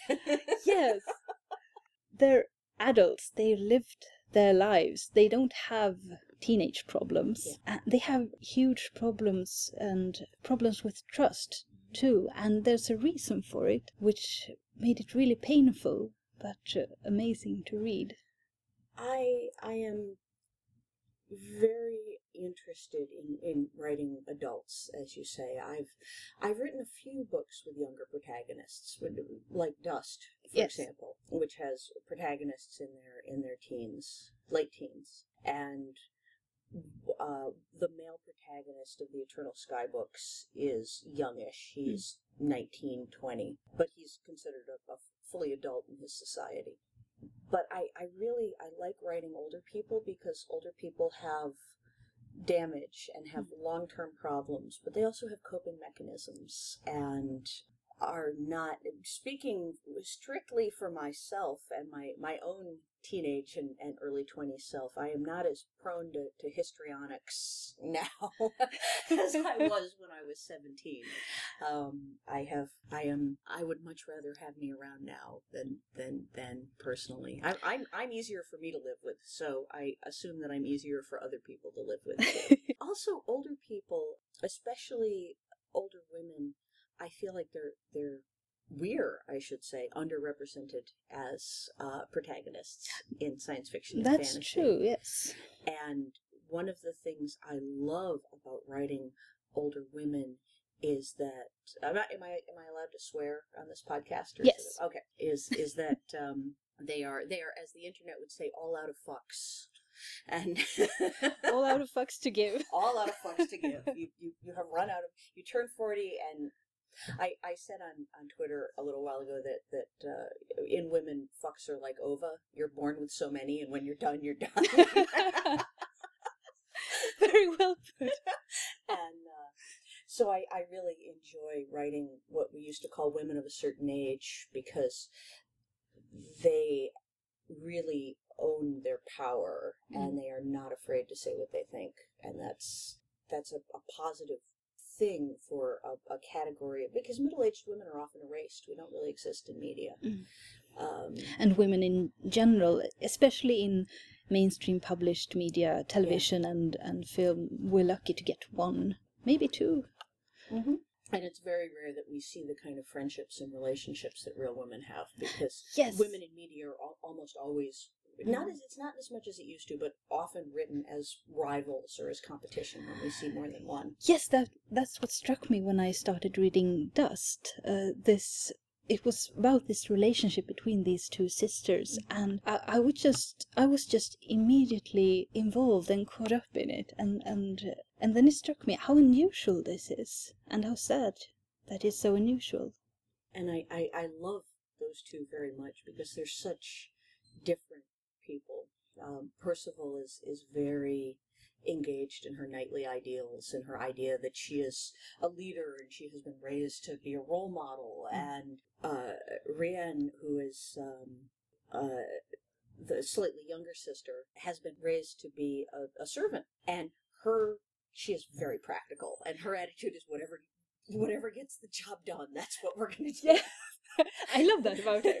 and they're both, but they're both good people. I think they just have different ethics. Yes, but they're both very sympathetic, and Yay! I fell in love with both of them. I I had so much fun writing those two. I really like them both. and that's another thing. Perceval, she's she's a knight, and with all those ideals, and that's also something that uh, well, one almost never sees that in female characters. I I think there's a, a thing that happens um, sometimes where women are expected to fit female characters, I should say, and women are expected to fit into a certain set of stereotypes, and Yes. if they don't, either they get accused of being, you know, men with tits, quote unquote, you know, or That's such a horrible thing to say, as if courage and honor and valor are they male traits? My friend uh, Tobias Buckell has a book with a, a female, a lesbian protagonist, which I have not yet read, but uh, the Amazon, he had somebody review this book uh, saying that there was no reason for this protagonist to be a lesbian because nothing she did couldn't have been done by a man. and I'm like, well, because lesbians don't exist and don't do things um, and don't deserve to be characters in books or want to read, or if they are real, want to read about characters in books. And those of us, you know, and the rest of the world doesn't ever want to read about a character who's not just like them. It's such a such a failure of the imagination. You know, if I can if I can read about a, a, a straight male character and and find sympathy and empathy with him, then I don't see why a, a straight male can't read about a lesbian character and find sympathy and empathy with her. And and some of them can, but apparently this one guy Could not. could not. The good news is that that uh, uh, Toby has been tweeted this this review and sold about twenty copies of the book almost instantly. They're thereby really infu- infuriating the reviewer. What's the name of the book? Um, it's one of his Arctic Rising books, and I don't know if it's the first one or because I haven't read the series yet. I'm terribly behind on my reading. Oh, aren't we all? I can't even keep up with my friends' books anymore. And now I'm I'm reading. I've been reading for awards the past two years. Uh, last year I, I juried the Philip K. Dick Award, Oh. and this year I'm jurying the the Tiptree Award. So it you know actual reading stuff I want to read. That's that's not to say that some of the award books aren't very good, because they are. But they have to be on the top of the pile. They have to be on the top of the pile because they have to get read by the end of the year. So you do a lot of other things besides writing. Well, it, it depends on what you mean. Um, I I'm currently spending seven weeks uh, touring Europe and going to conventions, so um, that's something mostly other than writing. Um, but also sitting on juries, and that seems like such a huge responsibility. It it it is, but it's also, as you know, Bob, the, the there's a an ethos in science fiction, this idea of, of paying it forward, and one of the ways that we pay it forward is by helping um, younger writers. And uh, another way is by bringing good work to, to wider attention where we can. And some of that you can do just by, hey, I read this great book, and you know, writing a review or posting it to your social media or whatever. But also, I think that, that serving on juries or or and, and a lot of the juries you can you can request to, to serve on the, the um, they take volunteers, Oh. and the volunteer th- th- there's a there's a vetting process, and there'll be an interview usually, and they'll ask you for references and things like that. But so a lot of the jury awards one can volunteer to sit on, but one can also nominate for many of the awards, and and some of them uh, are open voting. The the Locus Award and the the David Gemmell Award, um, for example, anybody uh, with an IP address can vote. That's uh, it's it's one vote per computer, but you know. Not that I encourage you to cheat if you happen to own two computers. You're on your honor here, guys. so, so that's part of the, the pay it forward thing Mm. for me, and also it's it's fun. And you get to read a lot of uh, many new writers. And uh, Many many new writers. have you found any gems lately? I am, um, well, one of these is a little nepotistic because uh, uh, Katherine Addison's The Goblin Emperor is a fantastic, fantastic book. It's a, a fantasy, it's a political fantasy, kind of uh, about uh, a young boy. The, the, the, the heir to the um, the heir to the kingdom of the elves basically but who is whose mother was a goblin his father was the, the emperor, and his mother was the the uh, uh, disregarded second wife, and his entire family is killed. This is not a spoiler because this is the very beginning of the book. His entire family is killed, and he winds up emperor of the elves at the age of eighteen with no training, Wow. having spent his entire life in exile, and he has to survive basically, Uh, survive the court politics. that, that doesn't All really... that, okay, all that, and steampunk because they're steampunk elves. Whoa! they have dirigibles and, and bridges and yes and i say it's a little bit nepotistic because while this is katherine addison's first book um, catherine addison is a pseudonym for sarah monette who i've co-written two and a half novels with I see. um, but it's it's an amazing book it's so good uh, i also have recently discovered this uh, young American by the name of Max Gladstone, who is writing his his first book is called Three Parts Dead. Uh, the second one is Two Serpents Rise, and the third one, uh, Full Fathom Five, just came out yesterday, and they are also fantasy rather than science fiction, but they are very very cool um, sort of critiques of the the capitalist uh, stri- ca- capitalist imperialism and uh, and the whole Wall Street thing using gods and souls and and there are banks where you can bank souls and there are uh, priesthoods that basically will build a god to you for order so that people can worship it and you can gain power and I mean it's it sounds really amazing. they are really amazing. They are they are so freaky. The, the the first book involves um uh, a, a court case. Yeah. It's it's all about a court case and the way that the the lawyers go in and, and have their legal proceedings is they have sorcerers battles in court. Wow. really? yes. I'm loving it already. it's amazing. It's so good. So his stuff is, is we're having him killed because he's he just Oh. turned thirty and he's already too good. Oh So no. So, but if you uh, wanted to recommend someone who wants to start to read your books, oh, where uh, should one start? it depends on what that person likes for a uh, for for somebody who because my stuff has been very different to date. I think for people who like um, epic fantasy, the the new series from Tor is probably the best place to start, which is the Eternal Sky books, Mhm. um, Range of Ghosts, Shattered Pillars, and Steles of the Sky. This is a um, it's a, a high fantasy trilogy what uh, my friend Paul uh, Weimer calls Silk Road fantasy. It's set in Central Asia, and not not our Central Asia. It's not historical fantasy, but a Central Asia that bears kind of the same relationship to the real Central Asia that fantasy Europe bears to real Europe. Yes, I have read uh, a lot of fantasy, Mhm. and so much. I don't know if it is Tolkien's influence, Mhm. but it, it all seems to be set in a sort of uh, pseudo medieval uh, Europe. Well, pseudo medieval England, France, not Uh, even Europe. yes. That's, nobody even ever makes it to Germany. No. The uh, there is there is some some Nordic fantasy. I've I've Mm-hmm. written a little bit, and some other people have. Um, you know, there's there's some stuff that's set in sort of Renaissance Italy, like my partner's books, which are not actually Renaissance Italy, but uh, Scott Lynch, Lies of Locke Lamora. It's sort of fantasy Venice, and also sort of not. I think I'm probably the last person in this bookshop to read it because I haven't actually read them yet. I'm a bit ashamed to say that. They're pretty good.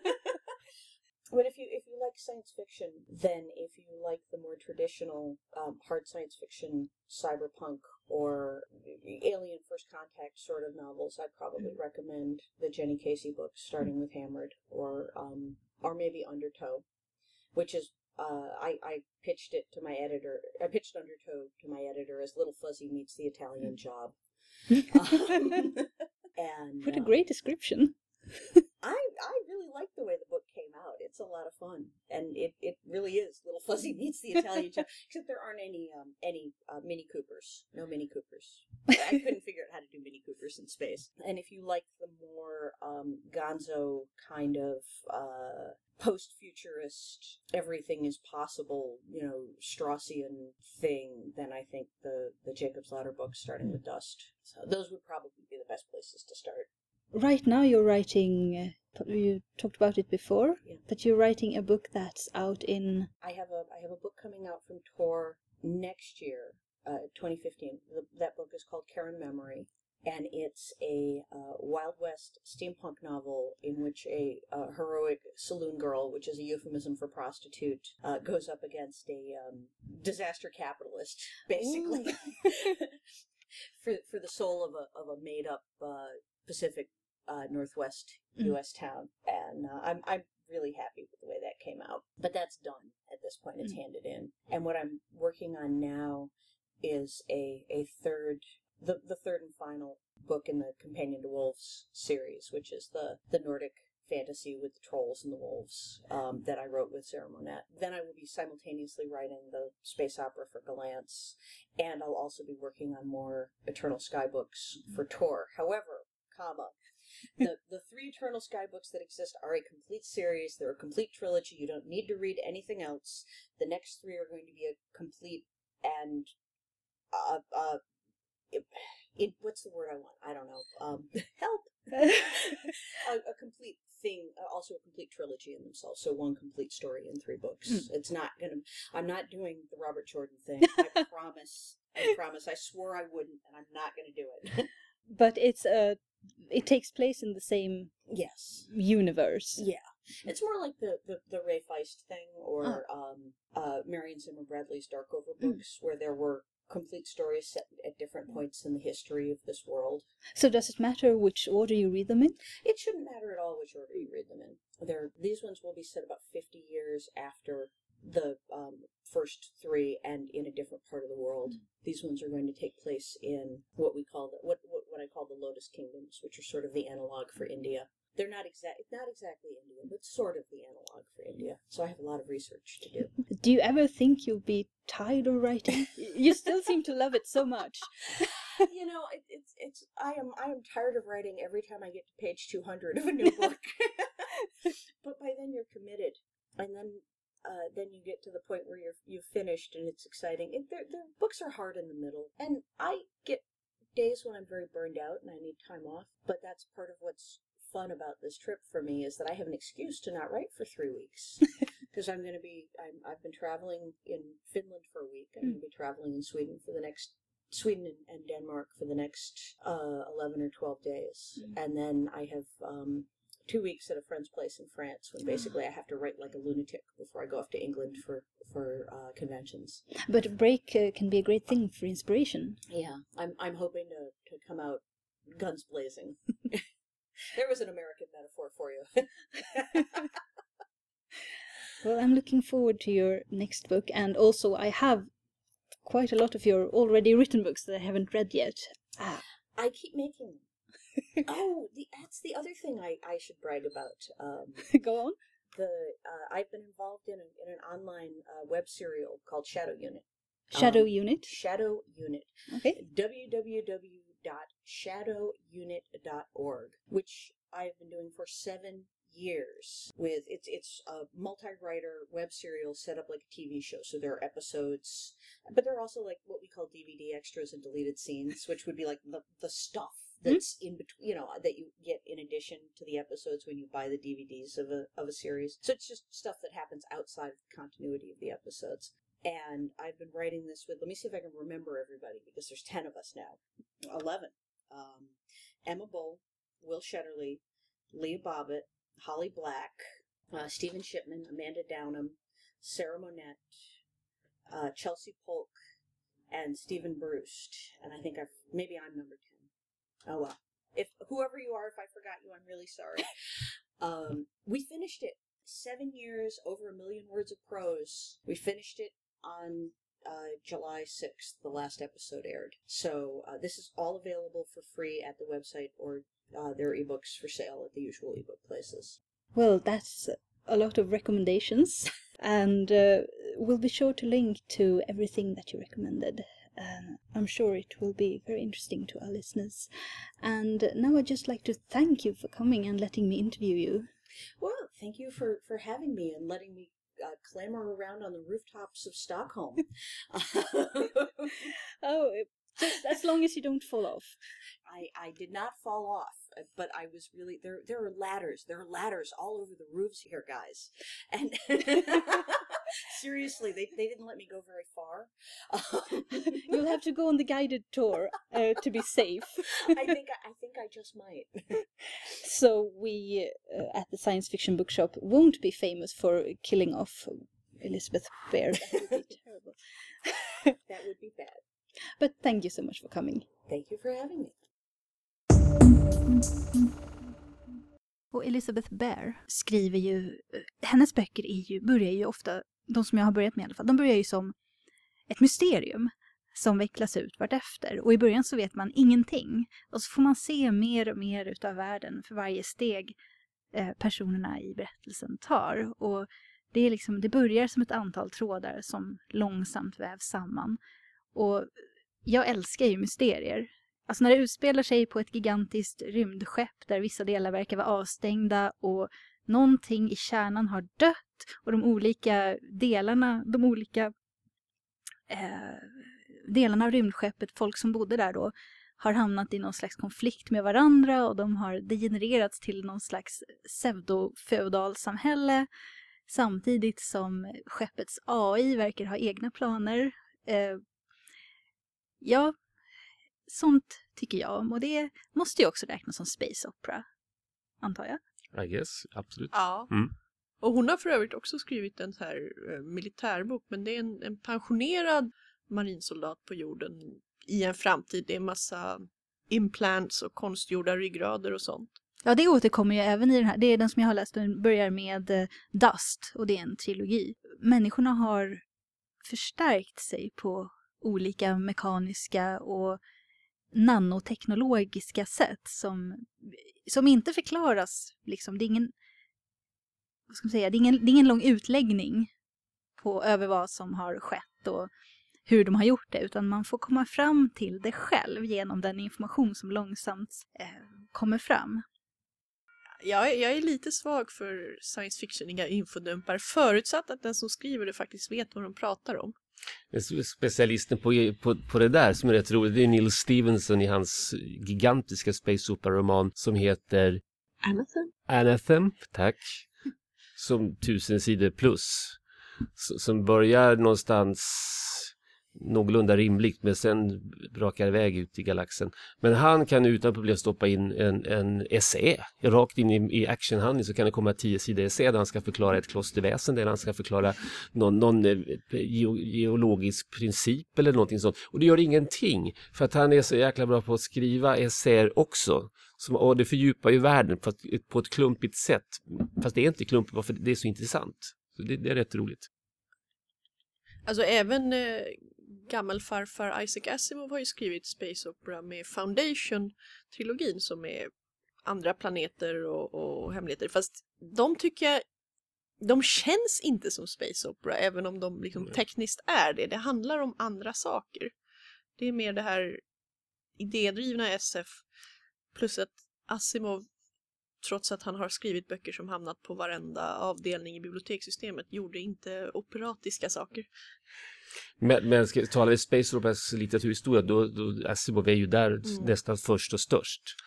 Så, som vävde ihop det här. Det finns ingen Star Wars utan Asimov, Nej. det går inte att tänka sig. Asimov, Jack Vance och en hel del andra.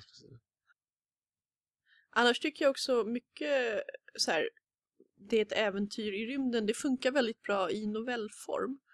Och eh, jag har mest läst de här Years Best Science Fiction-samlingarna. Mm.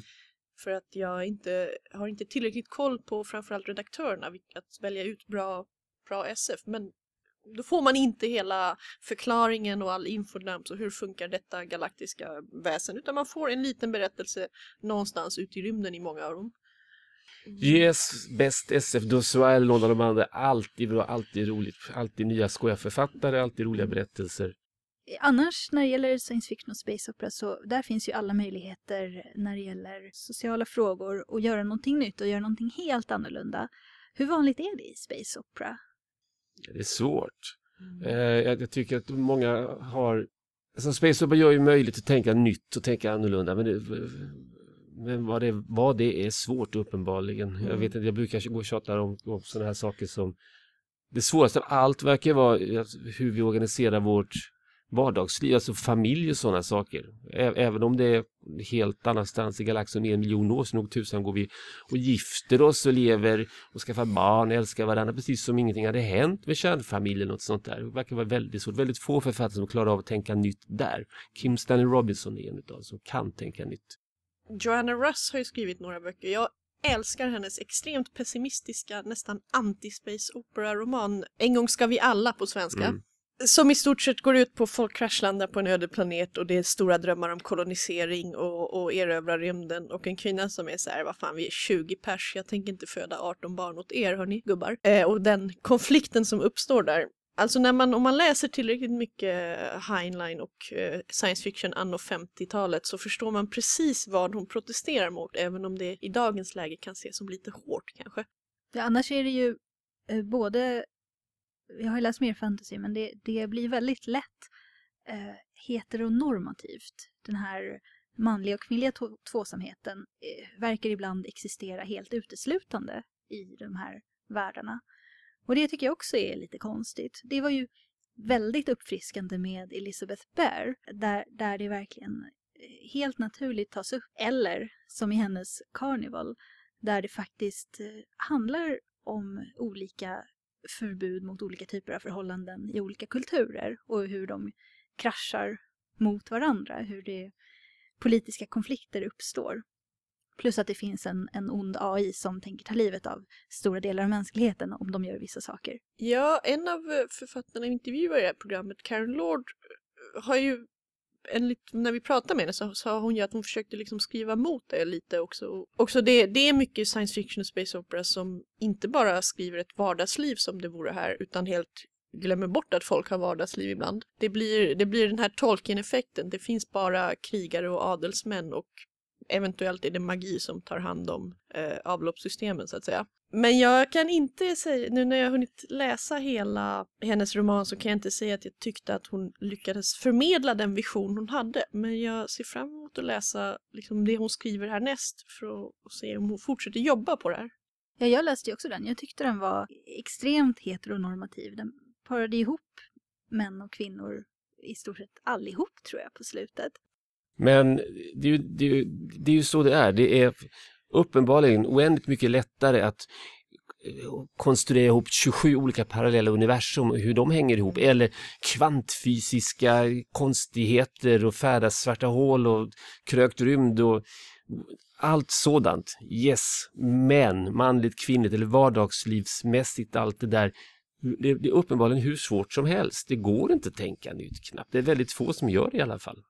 Ja, och där måste jag ju säga Star Trek, liksom tv-serien Star Trek gjorde ju många nya saker och försökte verkligen vara normbrytande på. Den är ju jättegammal när man Ja, tänker efter. originalserien ja. Ja, originalserien till Star Trek försökte vara normbrytande på enormt många fält och tog ju in också, om man tittar på vilka som har skrivit eh, avsnitten så är det liksom science fictions Hall of Fame-namn överallt. Eh, vad heter han? Harlan Ellison och Sturgeon. ja, flera olika. Och det har de inte riktigt lyckats upprätthålla när det förvandlas från en liten konstig, nu ska vi göra någonting spännande serie till en stor franchise. Och till min största besvikelse har de inte, tycker jag, lyckats fixa det i de nya filmerna heller. Som är väldigt, alltså det är space opera och det är äventyr, det är väldigt, inte så mycket Star Treks idétänkande, det är mer action än science fiction. Ja, och framförallt så, så har de inte Nej, men de har inte gått in för att vara banbrytande på något sätt. De är, de är väldigt konservativa. Men å andra sidan så är det en, en amerikansk storfilm. Och vad kan man förvänta sig av dem? Alltså när det gäller att, att bryta ny mark. De tar ju det säkra kortet, det som säkrar störst publik, så är det ju.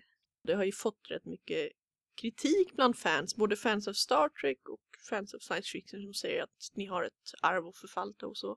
Um, och jag tycker det är, det är synd att science fiction inte riktigt alltid utnyttjar alla möjligheter som ges med böcker och så. Men det är ju fortfarande mycket lättare och mycket bättre när det gäller böcker än när det gäller film Mm. och tv. Jag och Mats hade ju faktiskt ett litet samtal med Karen Lord när hon var här för att signera sin bok. Det är mindre en intervju än en allmän diskussion, men vi kan ju ta och lyssna på den. I'd like to say hello and welcome to Karen Lord, author of The Best of All Possible Worlds and Redemption in Indigo. Hello, how are you? Hi, I'm very well, thank you. And how are you? I am enjoying the, the, the nip in the air, the slight chill in the air, and the um, the warmth of the people. Definitely, I've just had a marvelous time at Alcon, and um, and now I'm here enjoying Stockholm's old town. I also have Mats from our store here with us, Hello, hello. and uh, we will be talking about your second novel. Yes. Mm-hmm. correctly, and then we shall discuss science fiction, gender, space opera, and so on a bit more in general. The novel is called Best of All Possible Worlds, and would you like to give our listeners a brief blurb?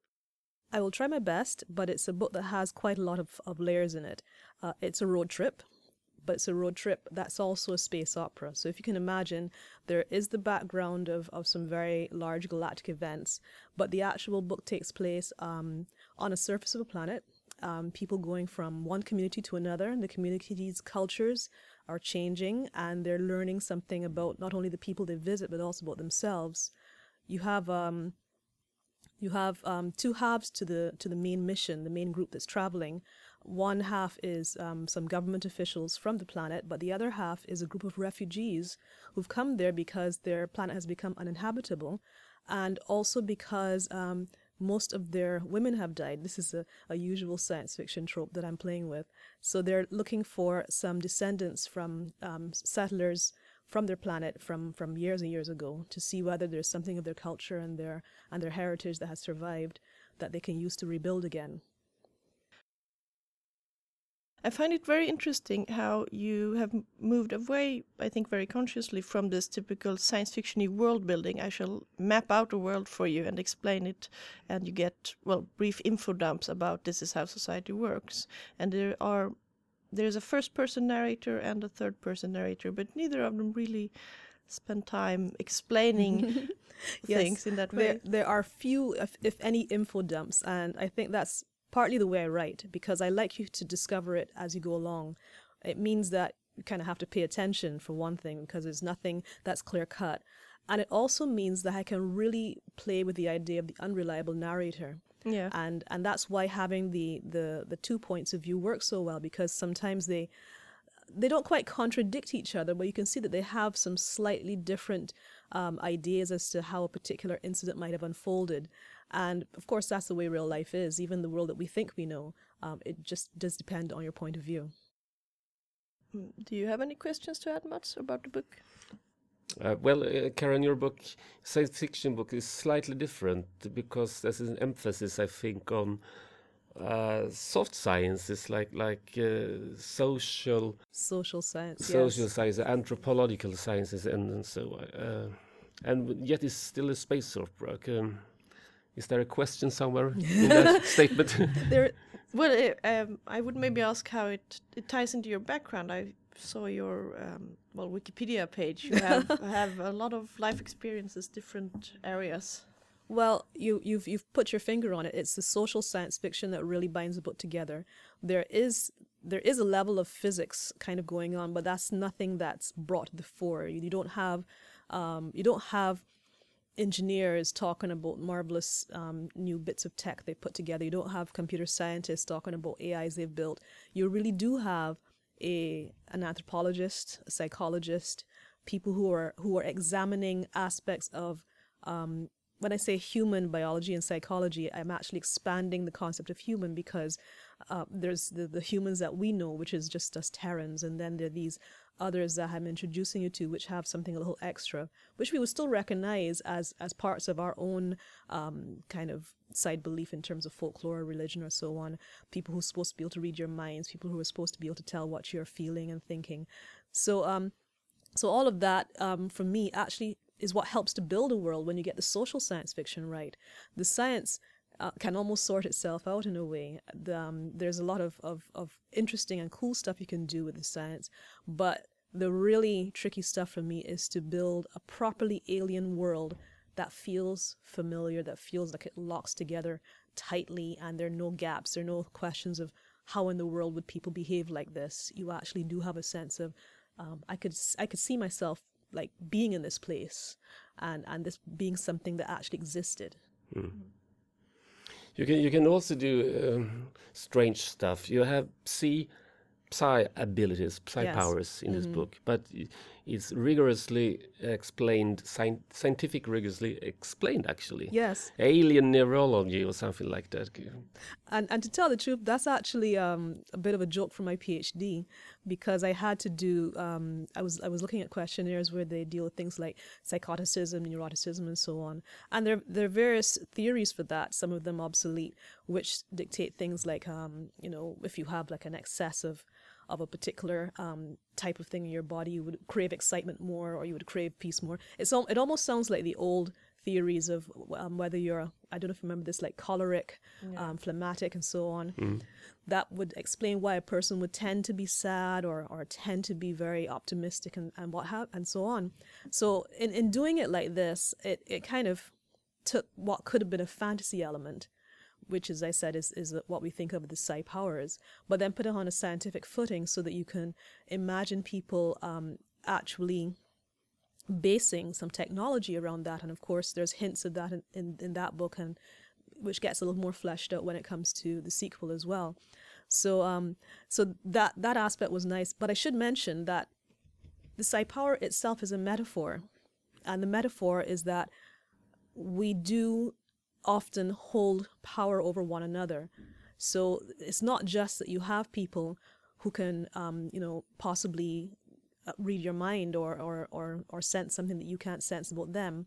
It's that you have two groups side by side that have different levels of that power and what kind of what kind of society then arises what kind of, of manners do you have to have what kind of checks and balances to make sure nobody gets exploited or taken advantage of and what kind of relationships are possible between two people who have such different abilities so it's it's all about working out the power imbalances both on an individual level and on a societal level When I started reading the book, I did get a very strong sense of Vulcans about the, um, uh-huh. one of the groups, the Mhm. the the sadiri the Sadiri mm-hmm. exactly.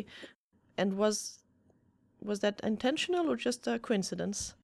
it was it was quasi intentional because at first when I was playing with it, when I was just doing a draft, uh, I wanted feedback. And if you put stuff on the internet and it's original stuff and they don't know you, they're not going to read it. But if you frame it in a galaxy that they know, you, you will get their attention more. So the Sadiri, um, not as you read them, but in an earlier version, were taking off on the um, telepathic powers of Vulcans. Um, and of course, um, the actual inspiration of the book was in fact triggered by someone saying, "Oh, you know, Vulcan was destroyed." But imagine if they had sort of sex segregated jobs and ended up that more of the men were off planet and more of the women were on planet, and that started me thinking about something that happened in real life, which was to say the the Indian Ocean tsunamis and, and the fishing communities where the men were out at sea, women and children were at home, and they experienced some uh, a severe case of gender imbalance, which had long term effects for their society. I'm not such a good writer that I feel comfortable tackling real life situations. The amount of research, the amount of respect you have to bring to it um, is is is considerable.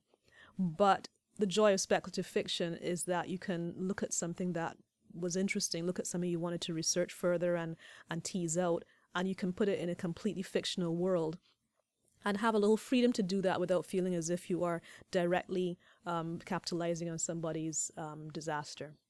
So that that was where that came from, and I and I did when I put it completely into my own universe. The Sadiri were not like Vulcans to me; they were more like um, sort of British Empire, um, Japanese Empire kind of people with more of a sense of arrogance about them, with a little more danger to them.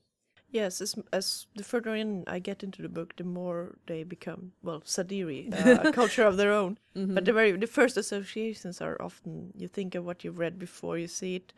In that way, I think it's a very very interesting book for people who have read a lot of science fiction because we know the tropes and we see what is happening behind and beyond in some sense, and then we get fooled because you think like, ah, this now I know the psi powers. This is going. No, it's not what happened. Oh, interesting. Yes, yes. Um, But it's also far more accessible than some of the really, really heavy uh, hard SF where you kind of have to be a wannabe space engineer almost to get into it. You don't. Yeah, I felt it very. I never felt that I get lost in the sociological or political discussions, even though they are always there when you look for them, Mhm. um, which I find, well, just really interesting, very cool to read. I'm glad to hear that because I do try to to provide layers of complexity so that um, there are one or two things if you really are in depth about sociology or politics, you'll go aha. But they're not essential to the understanding of the book. So if you don't understand it, you can just skip over it and you don't miss a thing. So I mean, there there are bits you haven't, um, you know, I don't want to spoil, but you know, anybody who's been in the foreign service is going to look at it and start laughing. Um, there there are bits that anybody who's been in the military will look at and go, oh boy, and there are bits that historians will look at and say, I remember this. But it's it's all it's all just you know dependent on your background, and there's um, it's it's all different levels of it, different layers of it. Considering that uh, the best of all possible world is is about uh, social change, about human relationships and so on. If I think a little bit about science fiction authors in general, they are, they are amazingly clever to dream up technological changes in society, in, in everyday life for us all.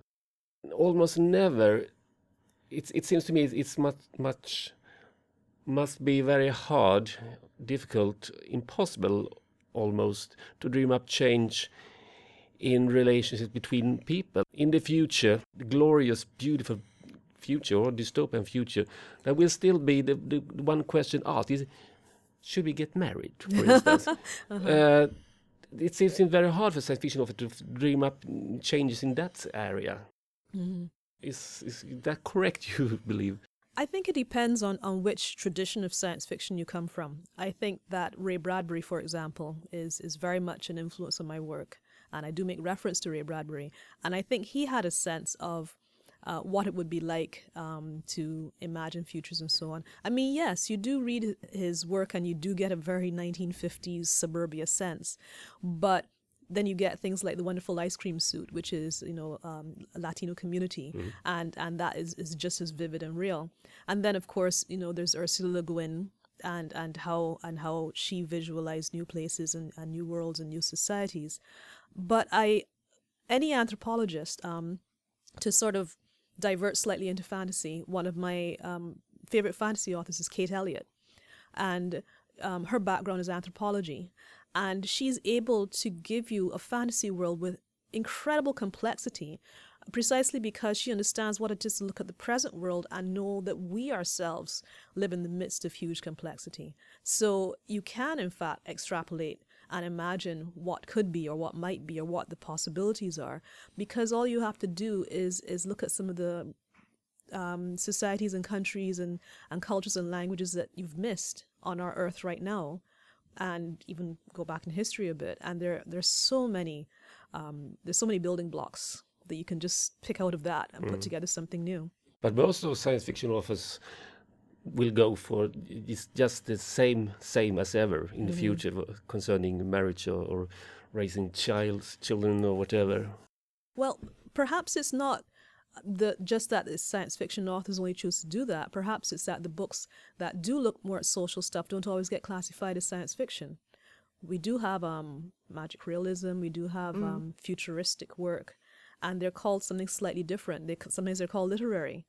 Exactly. We have, and there's also from where the books come. I mean, um, a lot of things that we shelve as fantasy, maybe not as much science fiction, but especially fantasy or urban fantasy, uh, if they were published in uh, Latin America, then they would end up and translated to, to a language accessible in Sweden, then it would probably be shelved in the uh, no shelves in a different bookstore even. Uh, I've sometimes at least, but it's very it's also very easy easy to see how different uh, publishers, different editors, they pick very different things, and there's always a filtering effect. Uh, of course, our store carries mostly English uh, translate or English editions because there isn't that much translated. But it's always interesting to read uh, fantastical fiction that has not the Tolkien and North American SF con- Congress uh, background, so to speak. Uh, yes, absolutely. I beg to differ a little bit.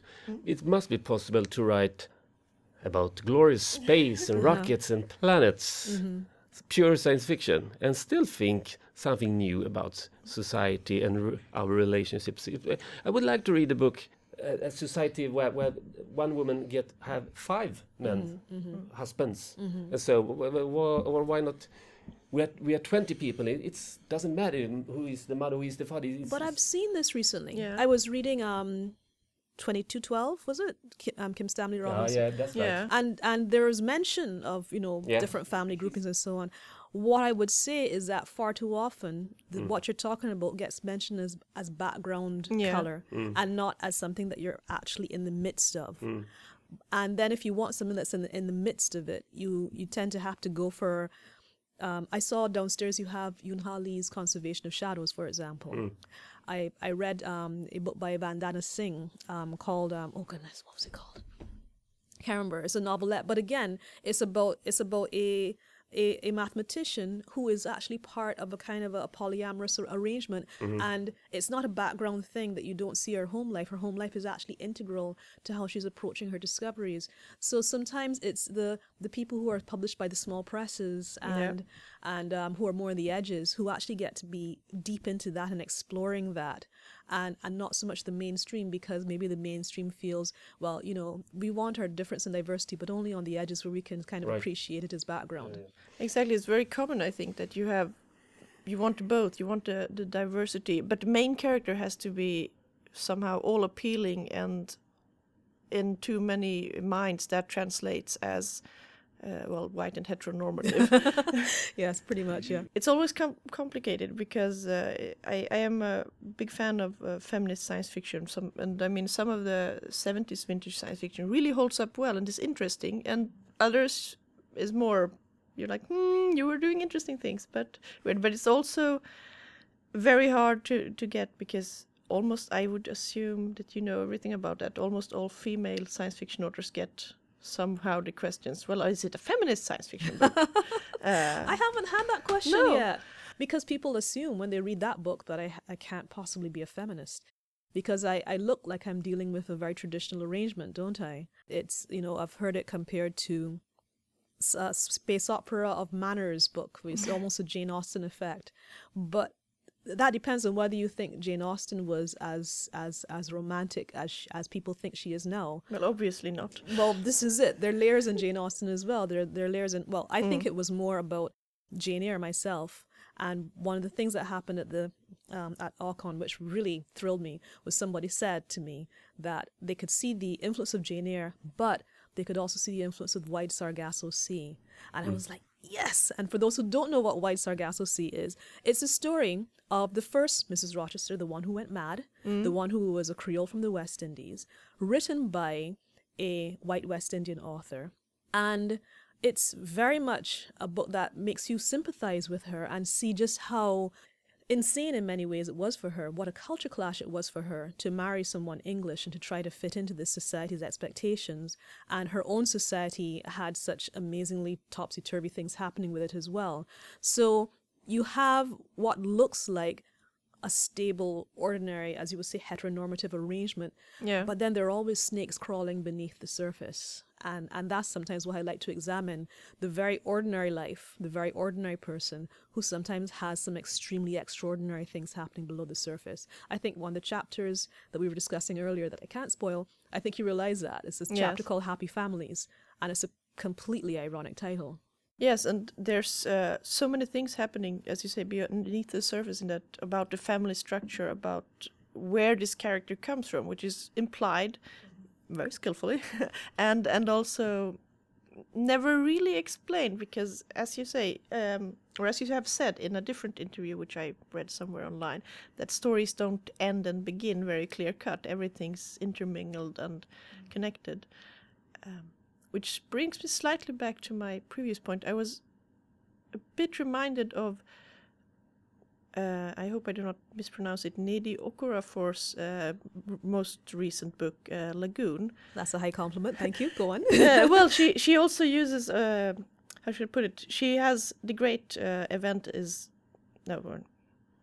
She also starts off with a very typical event. This aliens come and they come to the sea outside of Lagos, but it's not, so to speak, the story of the conflict directly with aliens versus humanity, or now the aliens have come to bless us. It's about the people living there and their families, their backgrounds, how how individuals really react to this alien uh, arrival. And there is a lot of family stuff, a lot about well, women, men, children, everyone, and how it all connects. Uh, and also a very interesting use of language, which your two different narrators have very different way of describing their world.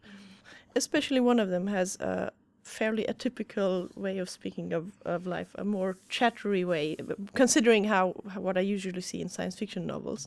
And it's so refreshing and really interesting to see how it can be how you can speak about everything in a language we're not used to seeing in books.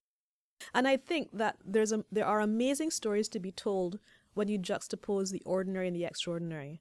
One of the things that I, when I was, um, when this was going to the process of publication, and then people ask me, what is the book about, I was talking with someone and they made me laugh laugh so hard because we agreed that it was sort of the anti Star Wars because Star Wars is all about a farm boy who goes on to to um, sort of save the galaxy and become the leaders of one of the leaders of the galaxy. But this is about the leaders of the galaxy um, learning to become farm boys. It's a complete reversal of, of fortune, and it's still a, a valid journey. It's not a case of a downfall. It's a case of adaptation and we don't we don't get those stories. We rather have the the triumphal stories that end with a a ceremony in a throne room or something, but those aren't the only ones to tell.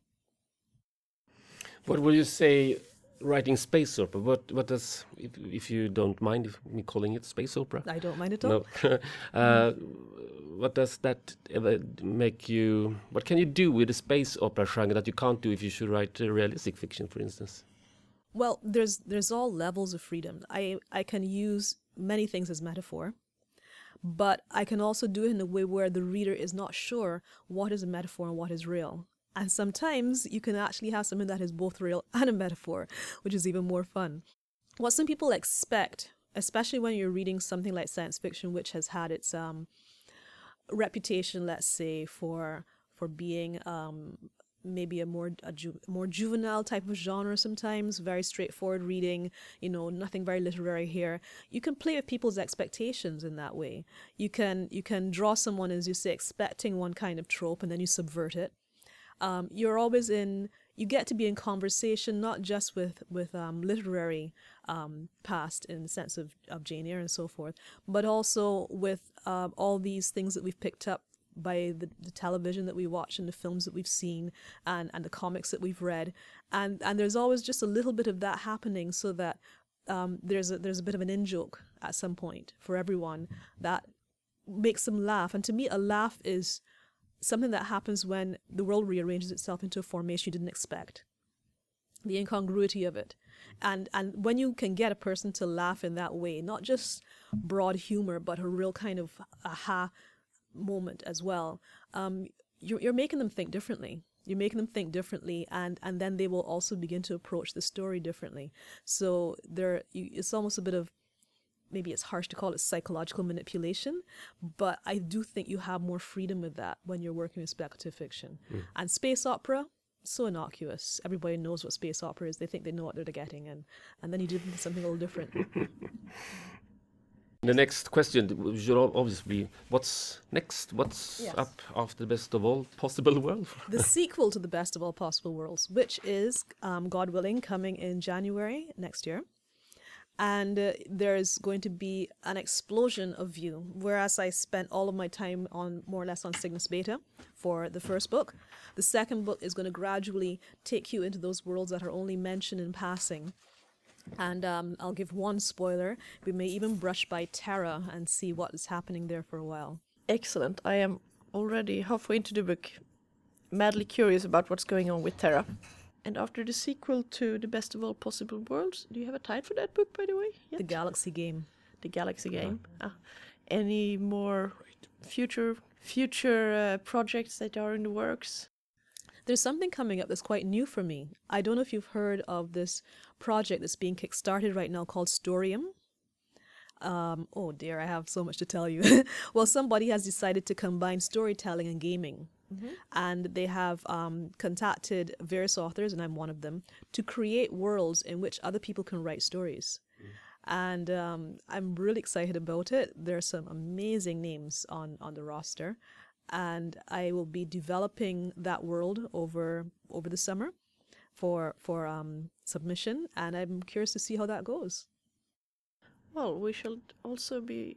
Uh, I I know that I will definitely investigate what it's about, and uh, I think that for our listeners, we will have a link on the website to Perfect. Storium. Mm-hmm. Okay, do you have any final words you want to say to our Swedish listeners? I would like to say that I had already heard fantastic things about um, science fiction in this region, but I'm glad I got to experience it for myself. I think that every time I go to um, to a new country, sometimes I get a new lens into my work from the kind of questions that are asked and and the way people react to my work, and that. I, I like that because I feel in a way that can only help to make me a better writer as well. So so thank you for being interested in my work and, and being readers of, of my work. And thank you for coming. Thank you, Karen. Jag håller precis på och läser Heresies of Russ som är lesbisk spekulativ fiktion. Det är alltså fantasy och science fiction blandat. Och så här, halvvägs igenom så har det väl varit eh, tre tråkiga, två bra.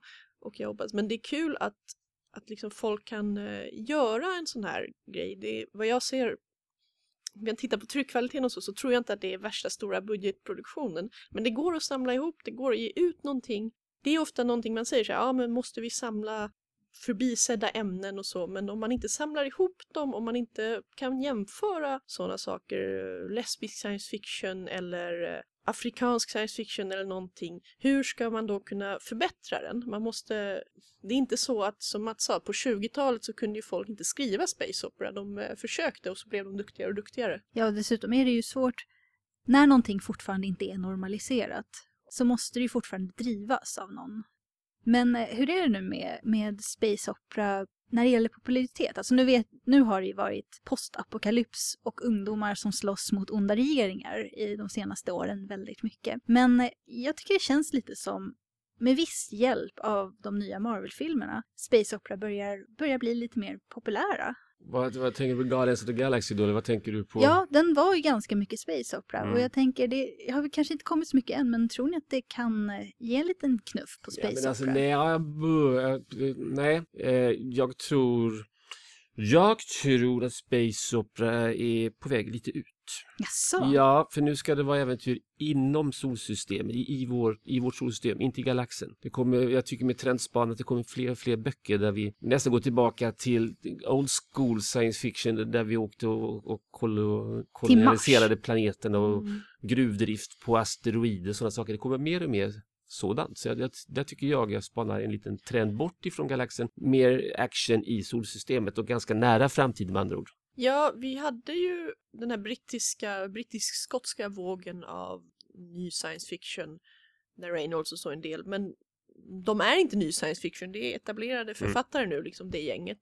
Och ja, som Mats säger, det som kommer nu tycker jag också är mer nära framtid, för även de här dystopierna är ju ofta dystopier som bara bygger vidare på vår värld. Det, inte, det finns en typ av dystopi som är helt borta från våran värld och man, folk är bara nedstängda i, i någon jättehåla eller någonting. Många av de här skrivna under atomåldern och när man inte riktigt kan se spår från var eller när de ska komma. Men nu är det tydligare att ja, det här är ju som hungerspelen, det är ett USA som har förstörts eller eh, till exempel det här är en värld där, där Kina har dominerat utvecklingen och så. Men däremot när det gäller på tv-spelsområdet så är ju eh, Space Opera fortfarande enormt Ja, ja. populär. Alltså tänk Mass Effect är ju ett av de Mm. populäraste spelserierna som finns. Eh, man tycker att det borde smitta av sig lite, men det kanske inte gör. Kanske helt olika personer som spelar de spelen och läser böcker. Jag tror det är för att alla tv-spelsfilmer är så himla dåliga. Ja, du kanske har en poäng där. Men då ska vi tacka Mats så mycket för det här Space Opera-samtalet. Och om det är någon som tycker att vi glömde någon fantastiskt viktig bok eller så, så hör gärna av er. Ja, ja, ja, tack själv. Så, det var vårt Space Opera-fyllda program som var klart härmed. Hoppas att bilden har klarnat lite och att ni möjligen har fått lite tips om nya saker att läsa. Ja, det kommer hela tiden ut mer i genren och det finns ganska mycket spännande. Nästa program kommer handla om serier. Vi har ett par spännande intervjuer som vi gjorde på seriefestivalen i Stockholm i våras och så blir det naturligtvis ett samtal rent allmänt kring serier